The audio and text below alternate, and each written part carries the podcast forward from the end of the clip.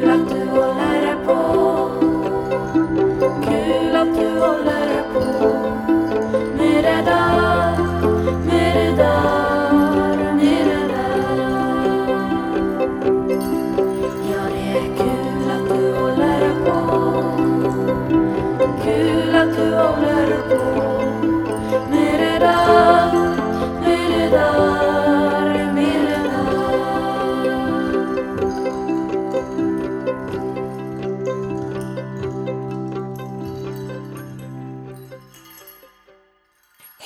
Sara!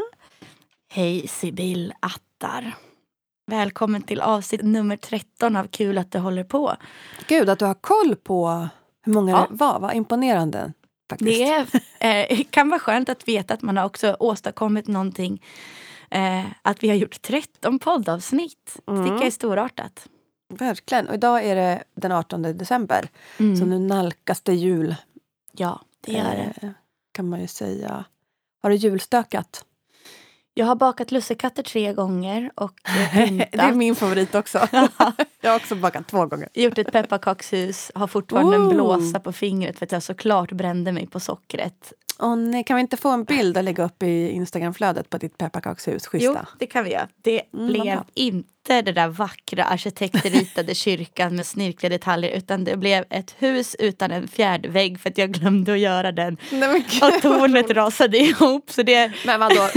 Du gjorde ändå egna? Du köpte inte en sån färdig Nej. uppsats i alla fall? Nej, men det jag- var ju pluspoäng. det var ändå första året som jag gjorde det och så tänkte jag, ja, ja pappa har alltid gjort det, det ser ju alltid riktigt bra ut, det kan väl inte vara så svårt. Så insåg Mm. jag plötsligt varför han sitter, hela min barndom satt de där fyra timmarna, man fick inte gå in i köket för att han satt och svor. att det var jättesvårt och jag hade med min systerdotter som är tio och jag bara, Judith nu får du öva dig på att vara tyst, jag måste koncentrera mig. Du blev din far. Ja det blev jag. Ja, gud vad roligt. Och det blev inte alls ett lika vackert resultat som när Lasse Parkman gör diverse kyrkor från Härnösands stift i pepparkaksdeg. Eh, Jag fattar, men det, det är ju processen som är det viktiga. Mm, och det var inte så kul. Men eh, jag, jag, jag skickar en bild. Ja, jag ser fram emot det. Det var, jo, det var kul att göra det med, med Judith. Vi hade det kul sen i dekorationen. Mm. Då blev vi båda nöjda med godiset och det. Jag längtar efter att få se. Mm. Har du julgran? Eh, nej, det har jag inte. Men jag åker hem till mina föräldrar. Så vi brukar alltid... Vår jultradition är att vi pyntar och sätter upp julgranen dagen innan julafton. Så att, Mm, mm, håller mig. jag fattar. Ja, för att vi är ju på säkert avstånd. Ja, Eh, för att du ska kunna åka iväg till dina päron så att inte du utsätter dig för massa smitta. precis. precis. Hur har du det? Jo, men jag har det ganska bra. Julen för mig är så mycket ångest. Jag har alltid tyckt att julen är så ångestladdad. Jag får bara massa jobbiga minnen och känner mig ofta väldigt så här deprimerad och sänkt och ensam kring jul, typ. Ja. Eh, men nu har jag ju ett barn. Och mitt barn är alltså som precis alla barn älskar julen Mm. såklart. Så därför så blir det ju så sjukt mysigt att vara med mitt barn. Men jag ser också en liten så här, ja man målar ju alltid fan på väggen men jag tänker att jag ska vara försiktig med att liksom inte projicera för mycket av julens glädje på mitt barn för då kommer det ju liksom slå tillbaka sen när, när barnet blir stort. Just det, och han inte vill komma hem över jul för han ska tågluffa i Ryssland. och, Ryssland eller något. Ja, så sitter du där och så blev julen meningslös igen och Ja, du men precis. Mm. Planen ska ju vara liksom att eh, jag ska kunna tycka att det är typ en fridfull tid med mig själv. Mm. Så jag fokuserar jättemycket på self-care just nu. Bra. Ehm, nej men så jag mår ganska bra. Jag har ett stort jobb som eh, börjar i början av nästa år och så släppgrejerna är igång. Ja, det har ju liksom börjat rulla igång ganska rejält att det är så. Man läser om Sibyl Attar. Och det är liksom, Ja, hur, hur känns det? ja, men det känns skönt och kul. Eh, som att det inte... Ja, det, det känns faktiskt ganska bra. I början tycker jag att det kändes lite så här... Uh, vad jobbigt det är med liksom P3 och typ... Eh, För det vet jag inte, det har vi pratat om att vi ska prata om i något avsnitt. Jag vet inte om det blir idag, för jag vet inte vad du ska prata om. Men eh, eh jag kan ju bara snabbt toucha ämnen. Ja, kör. Det, var, det är inte min förberedda prat, det handlar inte om P3. Nej. Så att, kör nej, nej, men alltså att P3 har sån otrolig liksom, makt och man, man vill ju gärna säga så här, äh, men skit i P3. Det är klart att man skiter i P3 rent liksom, man skiter ju i P3 på ett sätt. Alltså det är inte, min, det är inte självändamål liksom att finnas på P3. Men P3 har ju en reell makt när det gäller också inkomst faktiskt. Alltså ligger man... Jag har ju varit med i band som har legat på A-listan, B-listan och jag själv har legat på de där listorna. Och det är alltså rotationslistor som... Det är hur många gånger man spelas per dag, typ.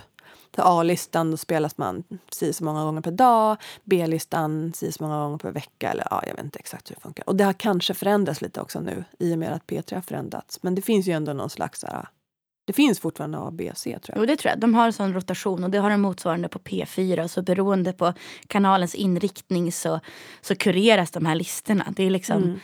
P4 har en, en, annan målgrupp och då lägger man in fler kanske äldre låtar och så, ja. ja. Och så ska det nya singlar som släpps ska in och sådär. Ja, det ska vara någon viss procent svenska. Jag vet inte mm. vad det är. Men det jag ville komma till var i alla fall P3s reella ekonomiska makt över ens privatliv. Alltså det blir ju så att man får ju bättre stim om man ligger på någon av de här listorna. Så att det blir ju konstigt också att säga att man skiter i P3, för det gör man ju inte. Eller jag kan bara utgå från mig, det gör jag inte för att jag vill gärna dra in lite pengar på mina låtar. Liksom. Eh, och sen så, så då började jag titta på de där grejerna och eh, tänkte på en grej med P3, att det är ju som en så himla nu känns det bara som en slags megafon för storbolag. Mm.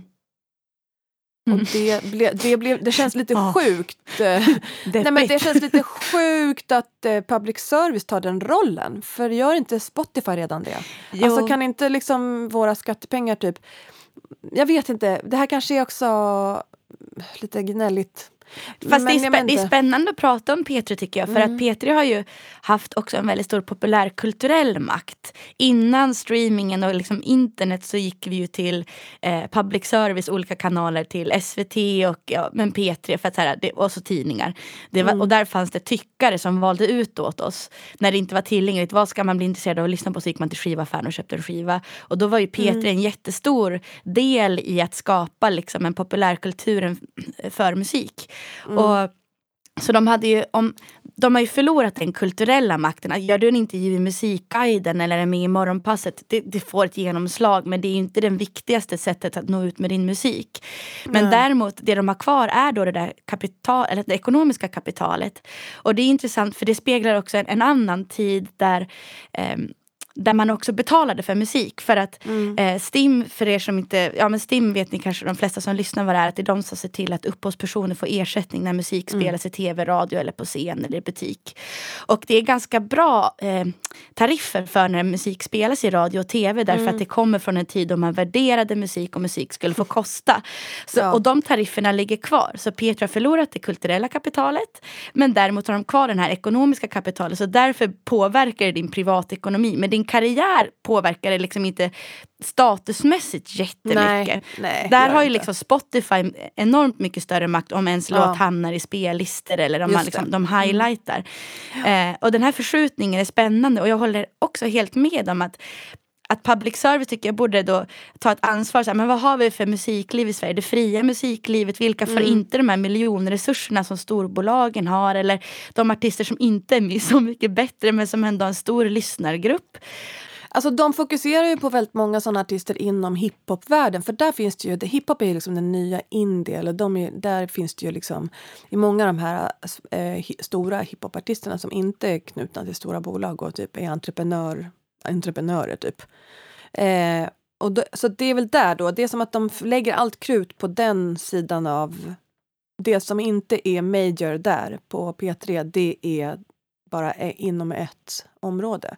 Och det är ju berättigat. Alltså jag, jag, inte, jag vill inte så här, säga att de tar upp min plats utan jag tycker att P3 har ett ansvar att eh, se till att fler på, får plats men det här är ju också, ja, det här är inte en, en förberedd lång spaning men jag tror ju att det här blir det sista avsnittet vi gör för i år vilket gör att det är möjligt att tala om en sammanfattning av 2020. Och jag kände att jag var inte intresserad av att prata om corona mer för det har vi pratat väldigt mycket om. Ja. Och det var som att en sak som jag har tänkt på under året som på ett sätt har blivit påskyndat av coronan det är att musiken är inte längre våran, den främsta populärkulturella fanan. Alltså så har det ju varit väldigt mycket när vi växte upp och, och eh, tills vi kanske innan sociala mediers tillträde till våra liv kan man säga. Att då var liksom, Det var genom musiken, alltså här, när man var barn så ja, men man köpte Eh, man älskade Spice Girls och hade Spice Girls-kort och man mimade till Spice Girls i skolan och man hade en favorit i Spice Girls. Det var ett popband. Så var det också för vår föräldrageneration med Elvis eller Beatles eller eh, Aretha Franklin, hej och hå. Ja. Men idag så är liksom den främsta bäraren av populärkultur är ju sociala medier, det är ju influencers. Så musiken är liksom inte det främsta mediet där vi, eh, där vi speglar oss i som vi, som vi är. Utan det är själva forumet sociala medier genom de olika Ja, kanaler. Gud vad som, sjukt det är. det är alltså. sjukt. Och jag tänker att det också är ett svar på så här. För på ett sätt tycker jag att P3 som säger att de är en musikkanal. När de, eftersom de hävdar att de är en musikkanal tycker jag att de borde också kunna tycka att det är roligt att här, spegla olika delar av musiklivet. På samma Ja. sätt som jag tycker att P3 eh, borde göra det än mer. De spelar mest klassisk musik men de, jag tycker att de har sitt uppdrag att här, spela jazz, ny musik, folkmusik. Mm. De borde göra det mer. Eh, de har också en potentiell mycket större lyssnargrupp om de gör det. Och jag vet att väldigt många älskar att lyssna på Petos kaleidoskop som är jättefina musikmixar. Och du har väl gjort en? Ja, jag har gjort flera gånger. Jag har jagat och försökt få göra ett men de, jag får Men de göra har, ett. och det är också som att de har skurit ner på kaleidoskop. Förut var det två, två eller till och med tre i veckan. Nu är det ett i veckan. Mm. Så att de har också dragit ner på det som jag vet att väldigt många lyssnar på. Eh, Mm. Men i alla fall så, både P2 och P3 tar ju anspråk på att föra musiken ut. Så då borde de också göra det bredare för det finns ett, tycker jag, ett kvalitet i det. Men, men det kanske är en, en längre förklaring av P3s ointresse för musik är att det också har, eller varför de de har en ganska snäv eh, spann för vad den musiken som tar plats där. Handlar om att det är sociala medier som går före musiken. Och då är det så, men vilka, vilka artister i stora sociala medier? Men det speglar också vilka som Spelas. Mm. Ja men jag tänker typ, jag skaffade TikTok i förrgår. God morgon mormor. Eh, Oh my god! Ja, jag har inte lagt upp något än. Jag gjorde det för att jag vill följa roliga klipp. Och då fick jag en Oj, kurs av min vän. Lonin som är jättebra på TikTok. Och då var det så här, det, det första som dök upp var New Kid. Och då berättade hon att så här, ja, men, ah, det här är så irriterande. New Kid är liksom sponsrad för att lägga upp klipp på TikTok. Och, och New Kid är också den, liksom, en av de mest spelade artisterna. Det går så här, superstor. Men han är också jättestor på sociala medier. Så därför kan, blir han också en stor artist. Jag tänker också många av de här hiphopartisterna är också jättestora i sociala medier. Att de, de, det är så de också får ut sin musik genom Snapchat, genom TikTok. Att det är så, De behöver inte heller de traditionella medierna för att nå ut. Och, då, och det är det som P3 vill plocka upp för att få en lyssnargrupp. Därför att sociala medier är vår populärkultur. Det funkar ju på sociala medier men jag vet inte om jag tycker det funkar i radio. Liksom. Nej. Men också jag tänker så här, är Sverige för litet? För så Ja. är, alltså, alltså jag tänker Ja. att det är så här, varför, kan, varför har vi bara en kanal som kanske är musikkanal? Alltså tänk Storbritannien med BBC och BBC Six. De har liksom hur många olika kanaler och mm, hur mycket olika som helst. Och så vet jag Eh. att det är ganska hotat de här olika musikgenrer, att det skärs ner. Liksom. Jo, absolut. Alltså i Sverige eller? Nej, på BBC. Att jag Ja, säkert. Mm. Men jag menar, eh, det är ändå konst... Alltså jag tänker att det är för litet. Att liksom, det är på samma sätt som det bara finns plats för en popstjärna inom en genre av kvinnligt kön till exempel. Alltså att det är så här att, ja det är okej, Veronica Maggio hon fick den platsen, bra då har vi Clear och så tar vi nästa. Eh, då ska vi in här, bra Sara Larsson tog Clear, då finns det bara plats för en sån, då tar vi nästa. Men jag, menar, jag har ändå tyckt att P3 hade en bredd. Alltså jag gillade den tiden, nu okej, varning för old, alltså varning för gamlingsägning. Mm. Är alla redo? Triggervarning för gamlingsägning. Mm. Men jag gillade ändå den tiden när det var så här, det fanns P3 Pop, bra, då var det indiepop. Mm. Då fanns det P3 Rock med han Håkan, då var det rock. Och så fanns det så här P3 P3 Soul. Och Peter Rytm med Pappa Di. Ja, visst, och så fanns det P3 Demo eller vad det var. Det var så här clear cut, man visste på torsdagar var det här, på Ja. söndagar var det här. Ja, nu måste Lovina göra ett inflik här. Kom hit till mikrofonen. Nu kommer Lovina Oskar. Nej, men mitt lilla inflik är bara att det finns det idag. P3 Indiepop går på torsdagar. Med, ja, med min kompis Caroline Sandström. Gud vad Oh my God. Tack Lovina. Åh gud, vi är som, så eh, spelar bortgjorda. i det fantastiska bandet Duschpalatset. Sen finns det P3 Hiphop eh, och P3 Okej. Rock och liksom P, P3 Dans tror jag det heter som är så här elektroniskt. Men okej, jag har aldrig hört något av de här programmen. Är de i typ en 20 minuter? Nej, de är två Såhär, timmar! Men gud, har jag missat detta? Okej, jag är officiellt äldst i rummet. Nu blir det cancelled.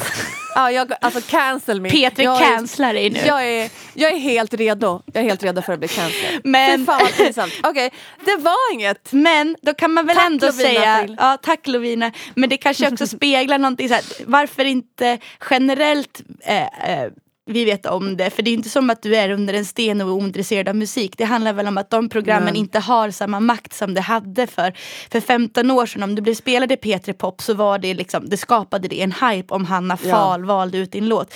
Den makten har det inte på samma sätt om du blir spelad i i P3 Nej, och det är ju inte P3s fel. Nej, det är väl det här som det också speglar att musiklivet är stort. Att vi är, det är inte längre den främsta kulturgenren. Och jag tänkte i morse så, jag följer kontot Trendspaningar på Instagram som är någon 19-årig södra latinperson som gör sig anspråk på väldigt mycket. Men det ibland är ganska kul. Och då var Ja. det liksom, eh, så folk skickar in så här frågestund och så svarar hen på det. Och då var en fråga så här, vilken artist är mest inne just nu? Och den här, då svarar trendspaningen, den här 20-åriga södra latinpersonen att all musik Ja. är ute.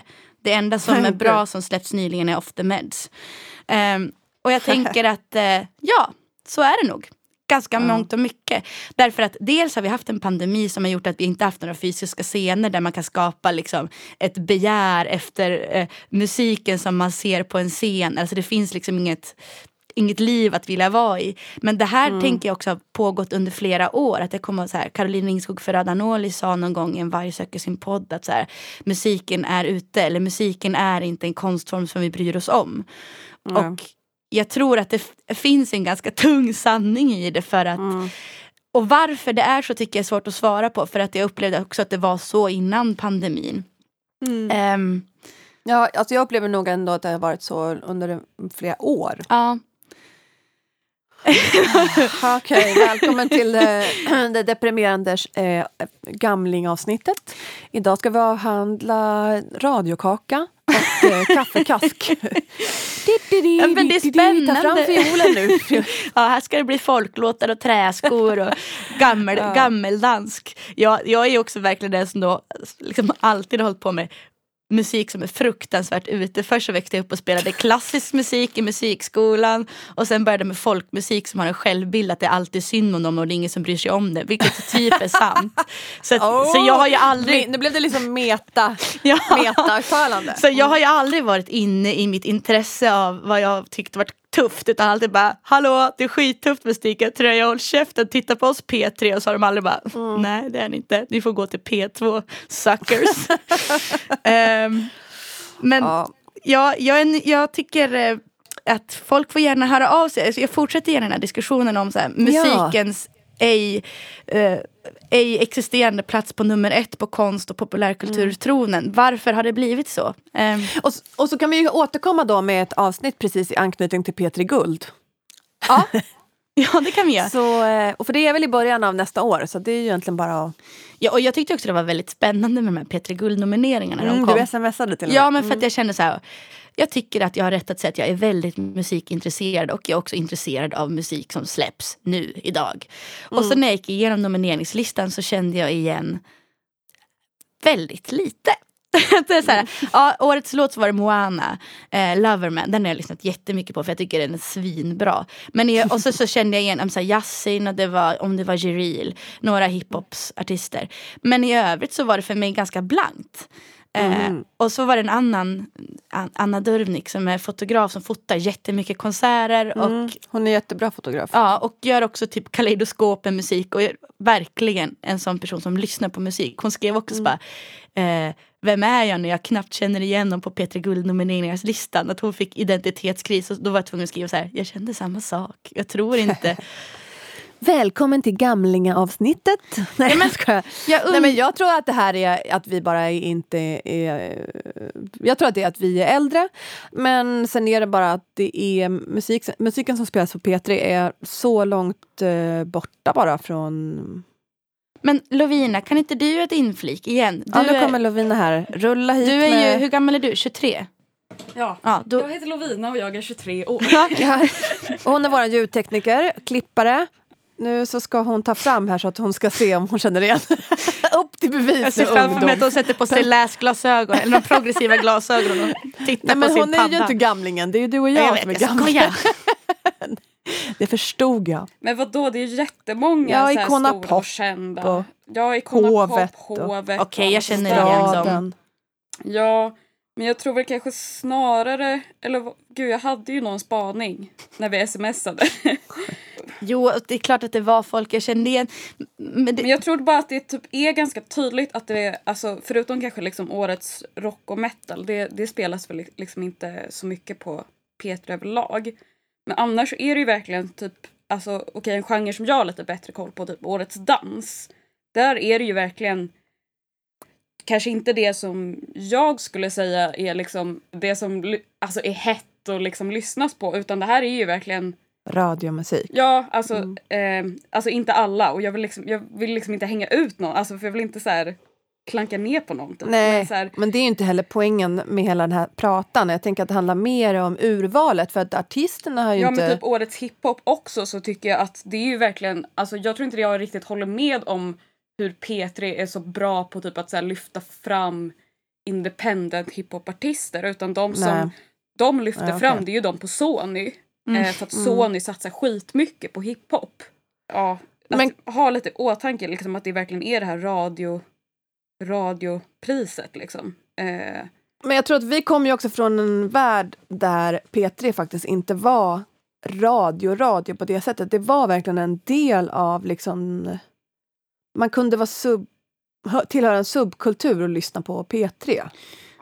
Kan man säga så? Jo men det var också så här, jag minns att när jag växte upp då lyssnade jag Tack, på Lovina. Ja, tack Lovina. Jag lyssnade på P3 eh, och tyckte det var tufft att höra ny musik och min lilla syster hon ville lyssna på Rix FM och det var en, det var en identitetsskillnad, det var en markör vad Och man lyssnade det är inte på. så jättestor skillnad mellan de kanalerna nu. Inte musikmässigt. Sen tycker jag att P3 faktiskt, jag måste säga att jag gillar deras omgörning som de gjorde i sin tablå. De har mycket Mm. mer så här strömmad snack. Alltså de har väldigt bra personer som sitter och snackar. Mm. Jag tycker det är ganska härligt typ, att sitta på eftermiddagen i bilen och lyssna på P3.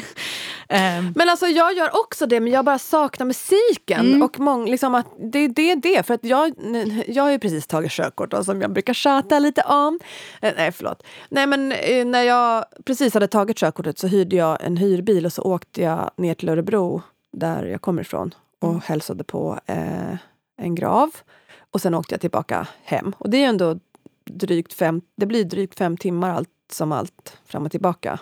Och då lyssnade jag på P3 och det var ju skitsoft förutom när musiken kom. ja. För då blir det bara hemskt. Alltså, det, det är också så roligt att när man säger en sån sak då känner man sig direkt som 40-talist mannen som skriver en bok om etnisk musik från Zimbabwe. Och så bara, det Mm. är bara skral på radion. Alltså jag får Ja. stänga av det här nej, jag dunka-dunkat. jag vet inte vad jag ska ställa mig i den här eh, konflikten. Jag känner mig kränkt. Eh, jag känner mig gammal och dum. Ska vi gå vidare? Vill du spela en låt? Ja, jag vill spela en jättebra låt som jag fick förra veckan av en bekant eller en vän eller vad, ja, eh, som eh, kom i år. Och jag vet inte vem artisten är, men jag känner att det här får vara en, en förhoppning om 2021. Som den här låten lå- är. Den heter Car Keys av A.G. Cook.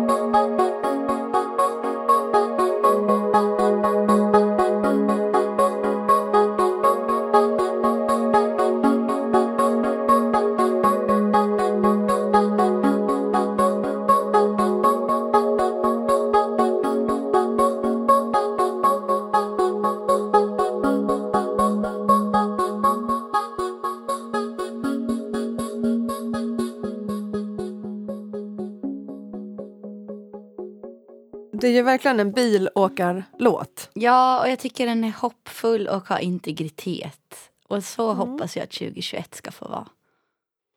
Åh, jag hoppas också att 2021 ska vara hoppfullt. Vad tror du? Tror du på vaccinet, att det kommer komma och att det kommer bli... Jag såg att de hade eh, lagt ut biljetter till Lollapalooza, Lolla- Lollapalooza eh, här i Stockholm. Och att Way Out West sålde biljetter och sådär. Jag tror på vaccinet. Jag tror att det är viktigt att ta det och lita på det. Och sen tror jag att vi ska ha tålamod och eh, inte vara för ivriga. För att inte bli besvikna igen.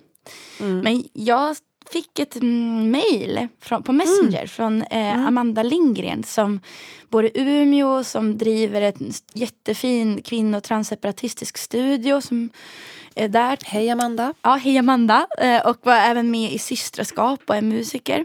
Och också varit ute och turnerat ganska mycket med Frida Hyvönen. Men det var dels ett underbart att hon hörde av sig. Två, hon skrev så här. Som jag, då var en uppmaning som jag tyckte var härligt. Det vore så fett om ni kunde prata mer om hur ni tänker att vi kan organisera oss. Jag blir inspirerad av er båda när ni talar om det. Och jag är medlem i Musikerförbundet sedan många år men det vore fint med mer tankar om vi kan förbättra vårt yrkesvillkor. Tänker att om tillräckligt många musiker lyssnar på er podd så blir vi ett vi och då kan framtiden bli ljus.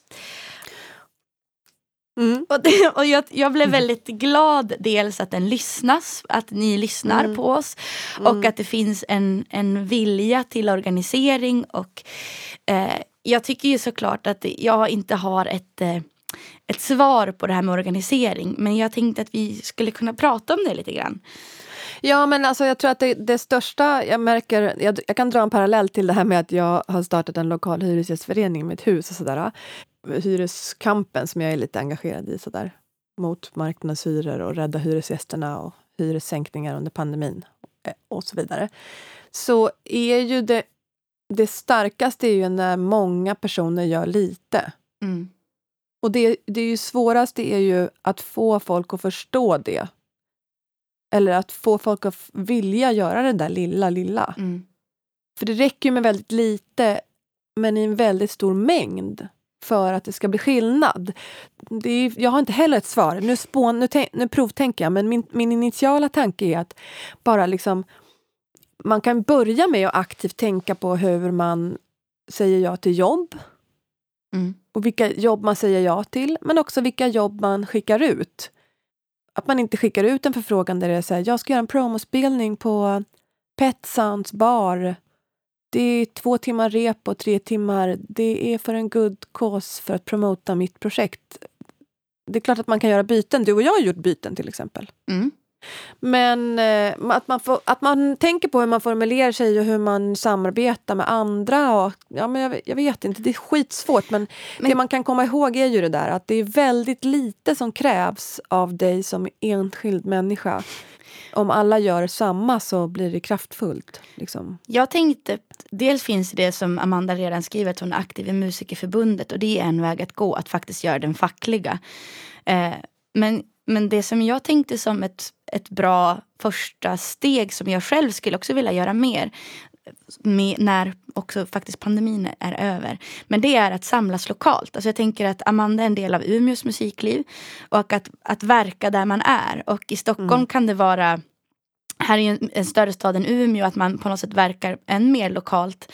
Men att det som jag tror är en första del för att vi ska organisera oss är att vi pratar med varandra om, om förutsättningar för jobb. Att man inte tycker att det är tabu att prata om gager, om löner, Nej. om förutsättningar. Nu skicka tillbaka en tråd till det vi pratade om innan låten. Varför musiken inte längre är fanbärare av populärkultur tror jag handlar väldigt mycket om att det inte alls finns lika mycket resurser i musiken. Det här med det säljs inte skivor. Eh, så det finns inte samma sorts ekonomiska kapital.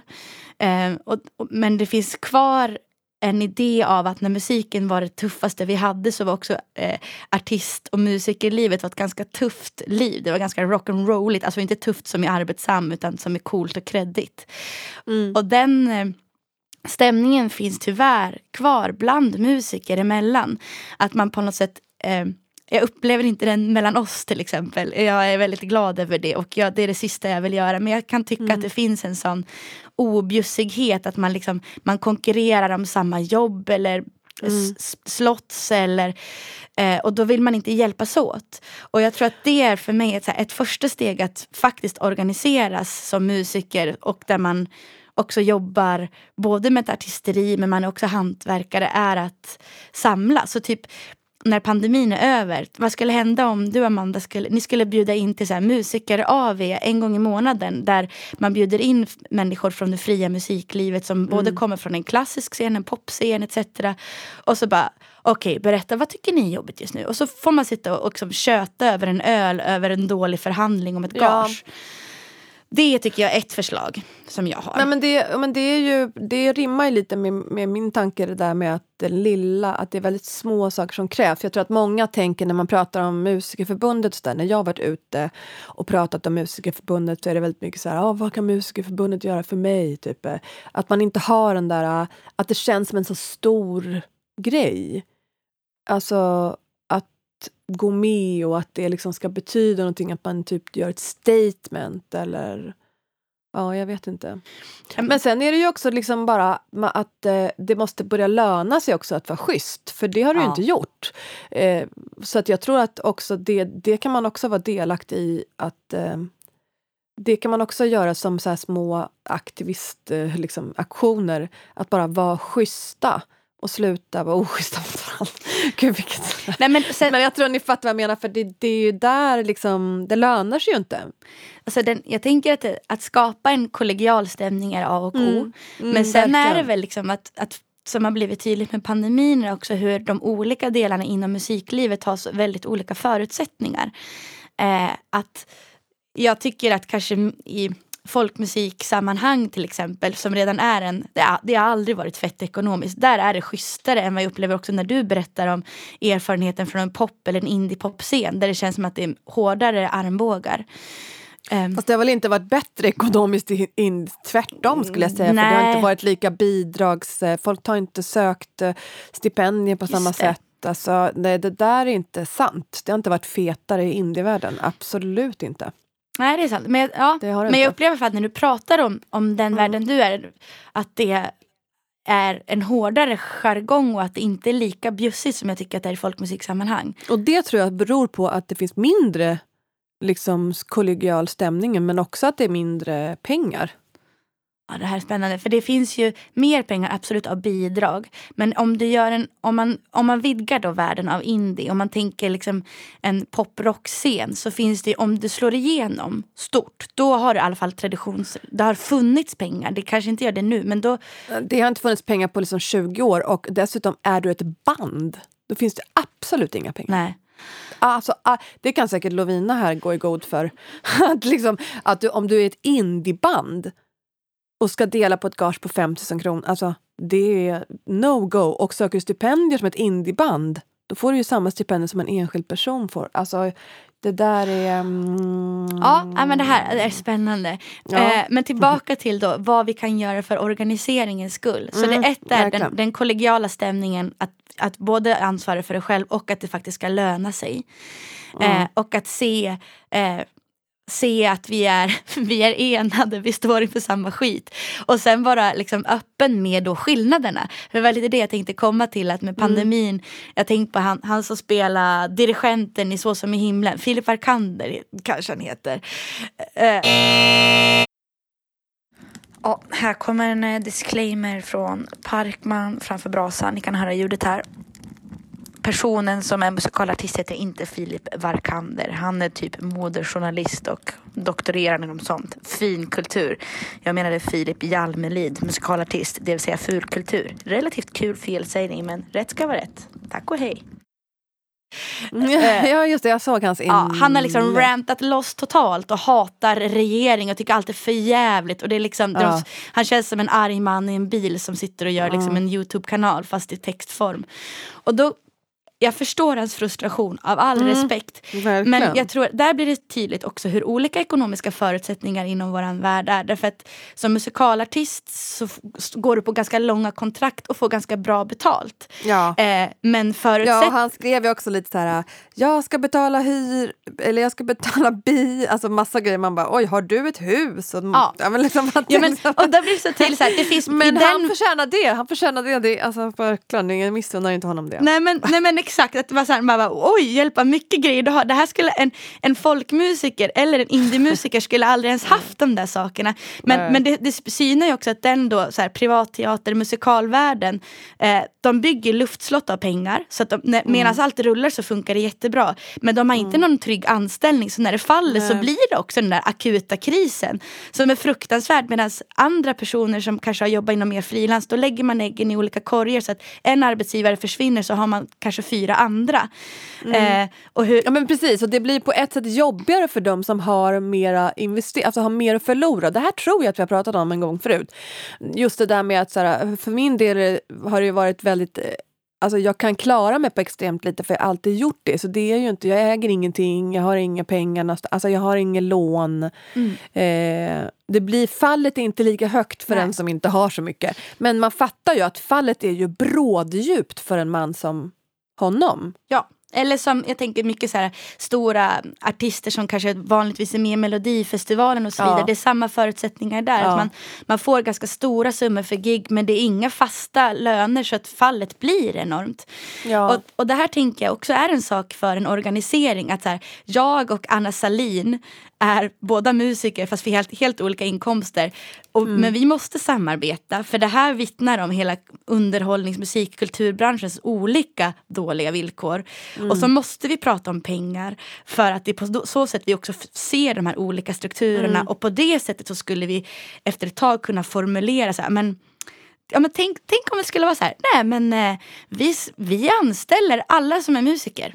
Alla får samma lön. Alltså med det här krisstödet så fick ju alla eh, eh, Nästan alla. Mm. Nästan alla fick 50 200 kronor var oavsett om du var en känd rockstjärna eller om du är en eh, sp- sp-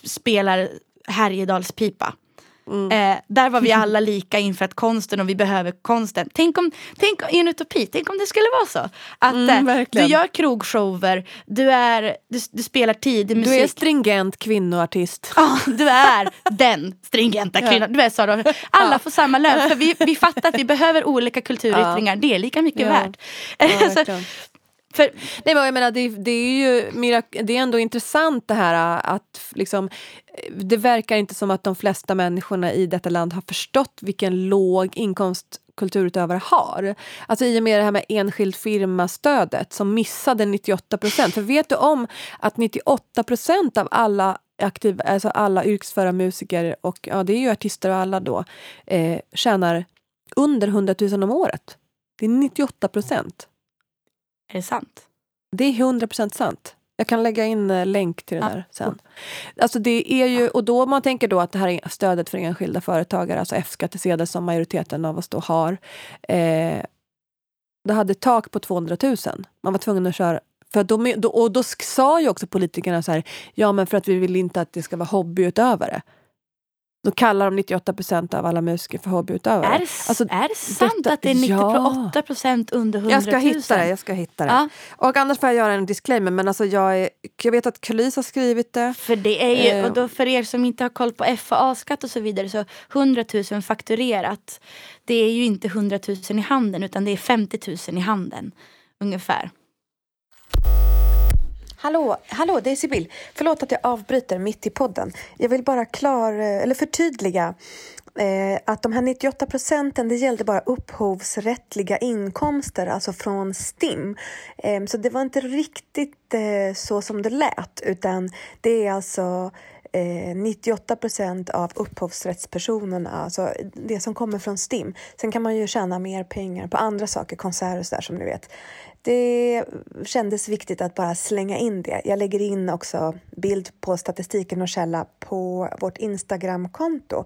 Okej, förlåt att jag avbröt. Nu fortsätter podden. Puss puss!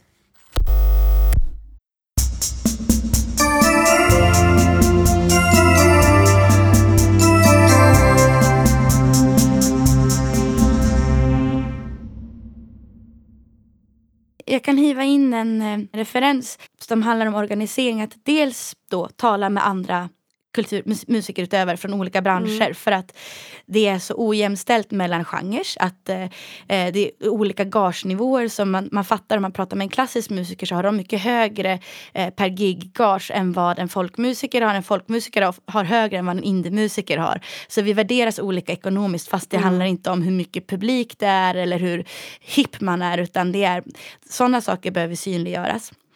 Eh, men jag tycker också att det är intressant att jämföra sig med andra kulturbranscher. Och det, var, det har varit två intressanta artiklar i Dagens Nyheter under hösten. Jag är en liten sån borgerlig lilltjej som prenumererar på DN på morgonen. Mm, gör du? Åh, Ja. gud vad mysigt. Det gör jag. Ja. Jag älskar papperstidning.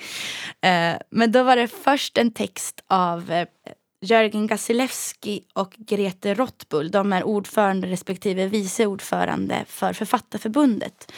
Och de skrev en lång debattartikel som handlar om hur ljudboksföretagens intåg på bokbranschen påverkar författarnas villkor. Mhm. Eh. ja, just det. Det där ringer en klocka faktiskt. Ja, den var jätteintressant. Vi lägger länk i Instagram. Men den var väldigt intressant att läsa författarnas perspektiv på vad som händer vad som händer för dem med det som på något sätt musik, musikbranschen redan har haft i tio år genom Spotify. Och nu blir ljudböckerna liksom det, det, det exploderat de senaste åren. Så de är lite efter oss i den utvecklingen. Ehm, och jag tänkte, jag ville läsa lite citat ur den här texten. Dels så ställer de sig frågan, vad händer med samtalet när konsumenterna är varan? Alltså när ljudboksföretagen, då blir ju jag som lyssnare blir konsumenten, det blir jag som blir varan. Det blir liksom inte själva boken som är varan. Eh, och de skriver den nya gratiskulturen är långt ifrån gratis. Det här vet ju vi redan vad som händer. Eh, och så lite fakta här. Där att Storytel de expanderar över världen. Under första halvåret 2019 stod de för 46 procent av antalet konsumerade böcker i Sverige. Och nu är det f- förmodligen mer än hälften. Och ersättningen från Storytel till förlagen räknas ut per lyssnad timme och sjunker kontinuerligt. Och nu ligger den på i snitt 2 kronor. Aha. Efter förhandlingarna och utbetalningarna i regel sker mellan strömningsföretagen och förlagen är det hela stort sett ogenomskinligt för författarna och upphovsrättsinnehavarna. Där sitter vi i samma båt, vi som musiker och upphovspersoner. Så vad tjänar de pengar på då? Författarna? Ja. Författarna tjänar pengar på uppläsningar. Eh, Ja, de har ungefär sex, Författarförbundet har arvode 6 000 för en uppläsning. Ja, okej. Och han skriv, de skriver sen vidare att när man, eftersom man får pengar per strömmad eh, timma så, så är liksom poesi och barnbokslitteratur, det kortare texter lönar sig inte. Så det måste vara längre texter. Så det handlar liksom om längd, inte om kvalitet utan om kvantitet. Och det, det som eh, den här artikeln också handlar om som, som skiljer då från musikbranschen som jag tycker är intressant är att de pratar väldigt mycket om förmedlingen. De skriver så, så att, att att isolera konsumenter från all form av förmedling och mångfald som inte är marknadsmässigt motiverad och du har den perfekta vinstmaskinen åtminstone på kort sikt. Och när de talar då om förmedling så handlar det om biblioteken, om bokhandlarna delvis, samtalen där du inte bara är konsument utan också att boken skapar ett mervärde i form att vi pratar om den. Och då står det så här, det, det sorgliga är att marknadstänkanden även trängt in på de kvarvarande folkbiblioteken. Och många bibliotek köper i stort sett inte in böcker som inte redan är lanserade, allra minst debutanter. Och en förklaring kan vara att bibliotekens inköp numera i allt större utsträckning sker på entreprenad via antingen aktie eller adlibris. Gör det? Va? Och så säger de så här, vi vet att läskunnigheten bland unga minskar, så var det svaret förmedling på alla nivåer. Och så avslutar med att det kan inte vara så att Sverigedemokraterna är det enda parti som förstår att kulturen och litteraturen inte bara är dekoration och underhållning utan rör själva demokratins Nej, men- hjärta. Det här är ju det vi har sagt hela tiden. Ja. Alltså att det är öppet mål. Liksom, att det enda som har ett utformat kulturpolitiskt program i sin, liksom, är SD. Ja. Och jag har, jag har faktiskt trollat på Twitter och skrivit så här till Nooshi Dadgostar som är på vänster. Men så här, jag saknar typ eh, vänstern i samtalet. Men jag blev ghostad. Ja, vad tråkigt för att det behövs verkligen att eh, de andra partierna skriver. För, och det tycker är Ja, in- det är inte in- bara vänstern, alltså, det är ju hela gäng. Alltså, det, jag har sett att Liberalerna och även Modera- Moderaterna har ju varit aktiva, även Centern, i den här kulturdebatten som har pågått under pandemin. Men det har ju varit för att plocka poäng, det har varit så- alltså, supergenomskinligt. Mm. Ja, nej men, Eh, för det har inte handlat om kultur utan det har handlat om ja, politiska poänger. Liksom. Men jag tycker det, det som jag skulle vilja säga om den här texten som jag tycker är intressant är att de talar om förmedling och där folkbiblioteken spelar en sån oerhört viktig roll för så här, litteraturens plats i Sverige och som också i grunden då handlar om en demokratifråga som är läskunnighet. Ska du vara, veta dina rättigheter i ett samhälle så måste du kunna läsa en text och förstå vad den betyder. Hur utbildar vi människor i läsning? Genom skola men också att litteratur är gratis att låna. Och Det finns ju ingen motsvarighet till folkbibliotek när det kommer till musik. Vi har inte den instansen som trots liksom välfärdens urvattning och Storytels intåg så finns ändå biblioteken fortfarande kvar som erbjuder författarsamtal gratis. Eh, du får låna böcker gratis. Biblioteken betalar till författarna. Ehm, Ja, de hyr ju ut i och för sig visserligen skivor. Ibland får jag såna där i mina STIM-utbetalningar. att Så här, bibliotek och för att typ min gamla skiva finns på CD där någonstans på något. Men om man, Ja. om man tänker en motsvarande då, för här, de talar om förmedlingen som det viktiga för demokratiprojektet. Och jag vill tro att musik är lika viktigt för demokrati på många sätt. Vad skulle en, en motsvarande folkbiblioteken vara för vår musik, vårt musikliv? Ja, alltså det är det kulturskolorna och typ uh, ungdomsgårdar. Men, Snyggt. men, eh, Kulturskolan är viktig. i det. mm, Men om man Och tänker för, liksom- för vuxna, för folkbiblioteken Ja, riktar sig till alla åldrar. ja, precis. Nej, men du har rätt. Där finns det liksom inget. Då är det typ radio. Mm. Det är typ P3. Och kanske så här, länsmusiken som subventionerar turnéer ut i, till liksom, och, eh, föreningar som arrangerar konserter runt om i landet. Ja, och faktiskt Folkets hus. ja. Alltså folkparker.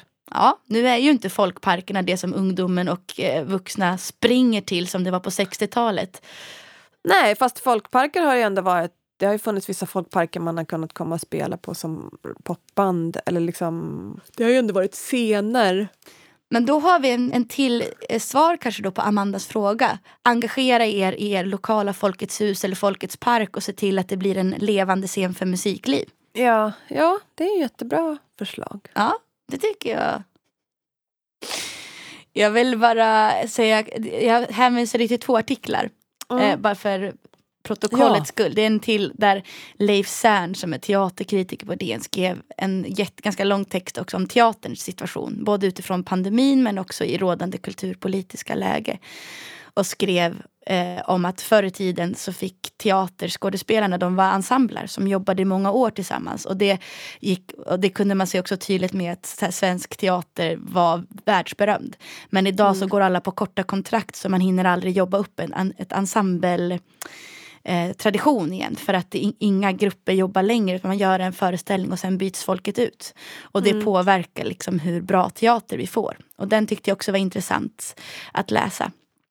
Eh, som också handlar om arbetsvillkor i grunden. Men som, där arbetsvillkoren också påverkar vad vi får för kvalitet på konsten. Mm. Så är det ju. Eh, Hörru, nu tänkte jag faktiskt spela en jullåt. underbart. Mm, det är helt sjukt att jag gör det, men nu gör jag det. Eh, och det är Jussi Björlings son Rolf Björling. Är ni redo Ja. för Strålande stjärna av Rolf Björling? Kommer här.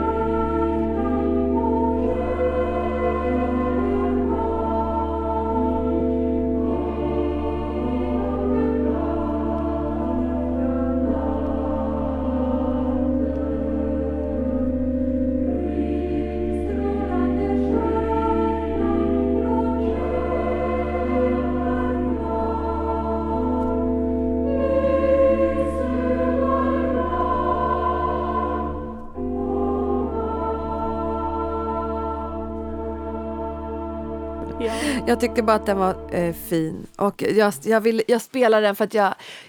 Det var också lite sån här... Man, jag skulle aldrig tidigare i livet spela upp en sån här jullåt på det här sättet, tror jag. Alltså just det här med, som jag sa lite tidigare, att liksom julen har så mycket ångest. Men nu öppnar det ändå upp ett litet eh, hål med möjlighet i, inuti sig för att det ska kunna bli lite härligare för mig. Det är väldigt bra att hitta de hålen för jag tänker att det är, den här julen kommer vara jobbig för många oavsett vad en har för relation till julen. Ja, precis. För att det, är vad det är och då kan det vara viktigt att hitta de där hålen där som inte är som gröper större hål utan mer där man kan känna sig lite trygg. Ja, men precis. Och eh, då kan jag säga, det här är jag inte sponsrad av, utan det här säger jag bara som privatperson. Men det finns en eh, organisation som heter Maskrosbarn. Och den är till stöd för eh, barn som har det jobbigt, helt enkelt. Maskrosbarn. Ni kan gå in på deras eh, Instagram och läsa lite mer. Maskrosbarn.org. Och där kan man swisha lite bidrag och sånt om man känner sig sugen. Till några till barn som har det jobbigt på jul, bland annat.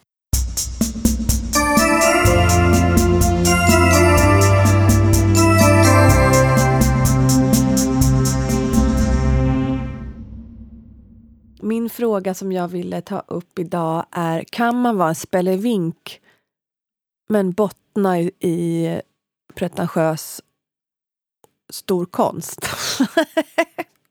men jag tänker Kan man här- vara hora och madonna samtidigt? Kan man vara hora Madonna? Nej men jag tänker så här, ofta så pratar vi, jag vill börja med att så ursäkta mig för att det, det är ju väldigt mycket så här självfokus i den här podden, det blir ju det för att vi pratar om våra liv precis just nu och men precis som du har närmat dig lite innan så är det ju många utövare som lyssnar på den här podden vilket är så himla fint. Vi älskar er. Mm.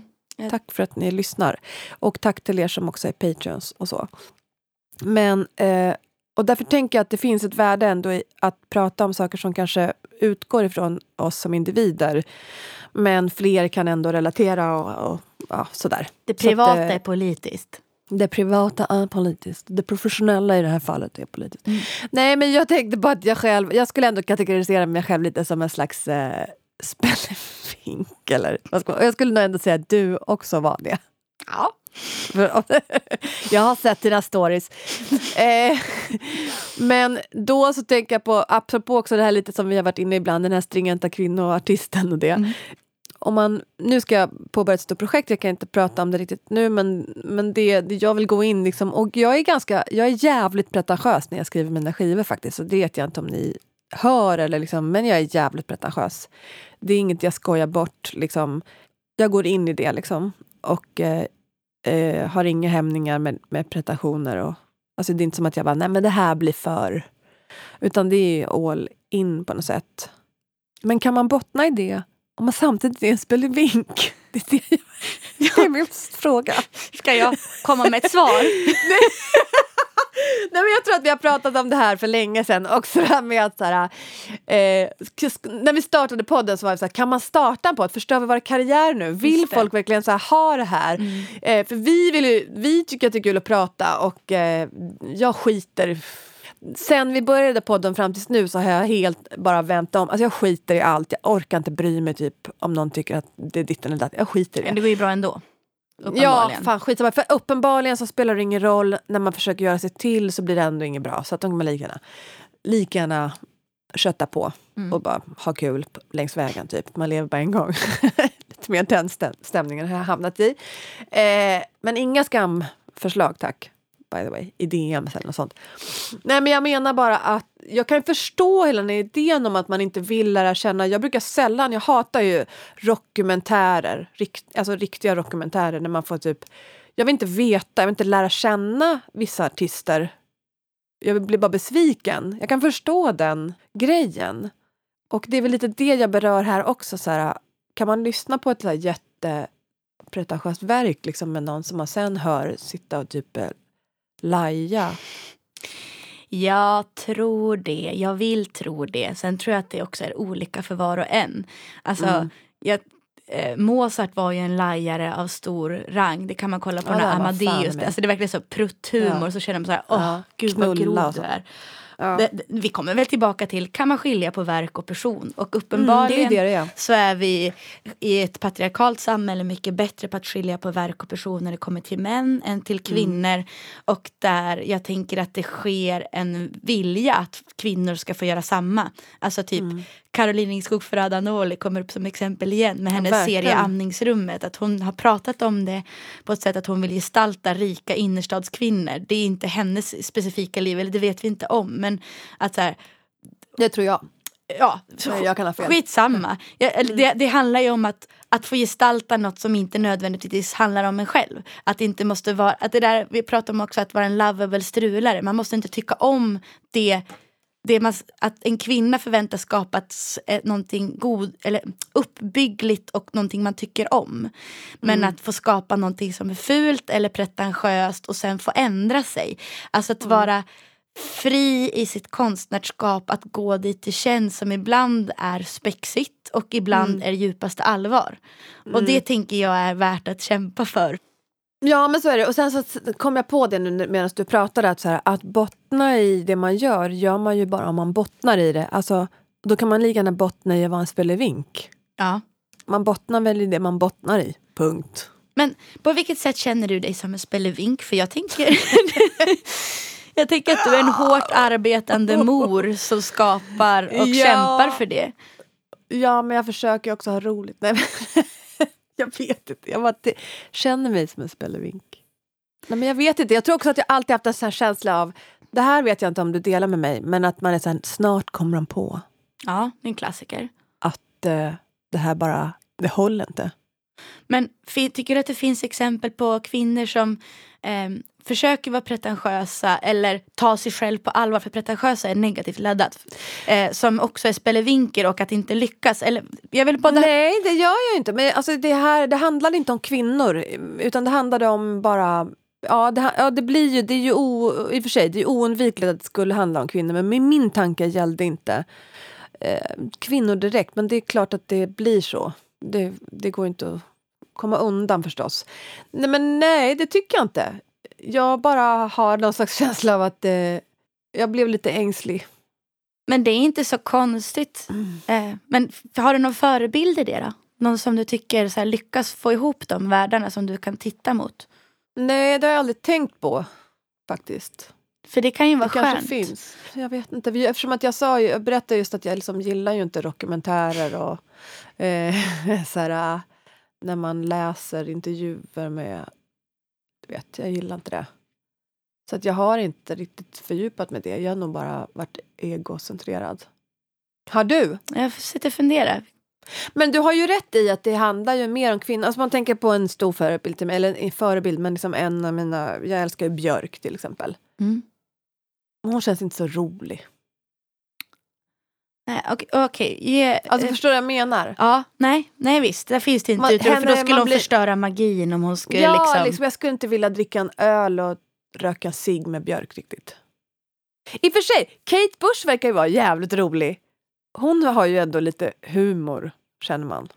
Har du sett att det finns en julspecial från 1978 som är jävligt rolig? Inte sett. Ja, jag ska lägga upp ett klipp i, på Instagram en dag. Nej, men jag vet inte, det här kanske vi får spåna vidare på då nästa år, 2021. Nej, jag kommer inte på någon just nu. Jag tror jag också fastnar med kvinnor. Men det är för att de ändå då jag kommer att tänka på, då är det kvinnor som kanske skriver lite frejdigt om föräldraskap. Eller att så här, vara en, var en dålig kvinna, haha. Men det är inte så här, jag har inte lust att sitta och dricka öl med någon som pratar om att vara en dålig morsa. Mer, det kan man göra som vänskapsgrej, men inte som en rolig grej. Eh, nej, jag kommer inte på någon.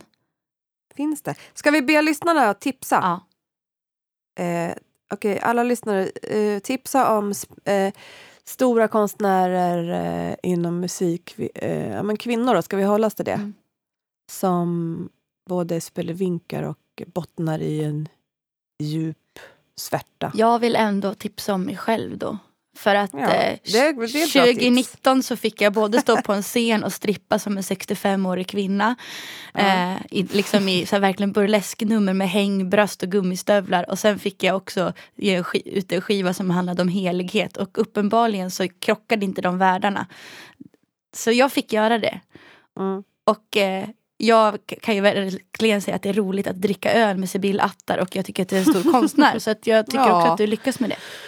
Ja, det, det var fint sagt. Men ska vi avsluta avsnittet då med eh, de där ömma kärleksorden till varandra? Eh, och, eh, för jag håller med. Ja, får jag avsluta med en ordvits? Mm, jättegärna. Men har vi något liksom sista ska vi bara säga typ eh, ni som vill höra podden eh, och har råd, bli Patreons tack.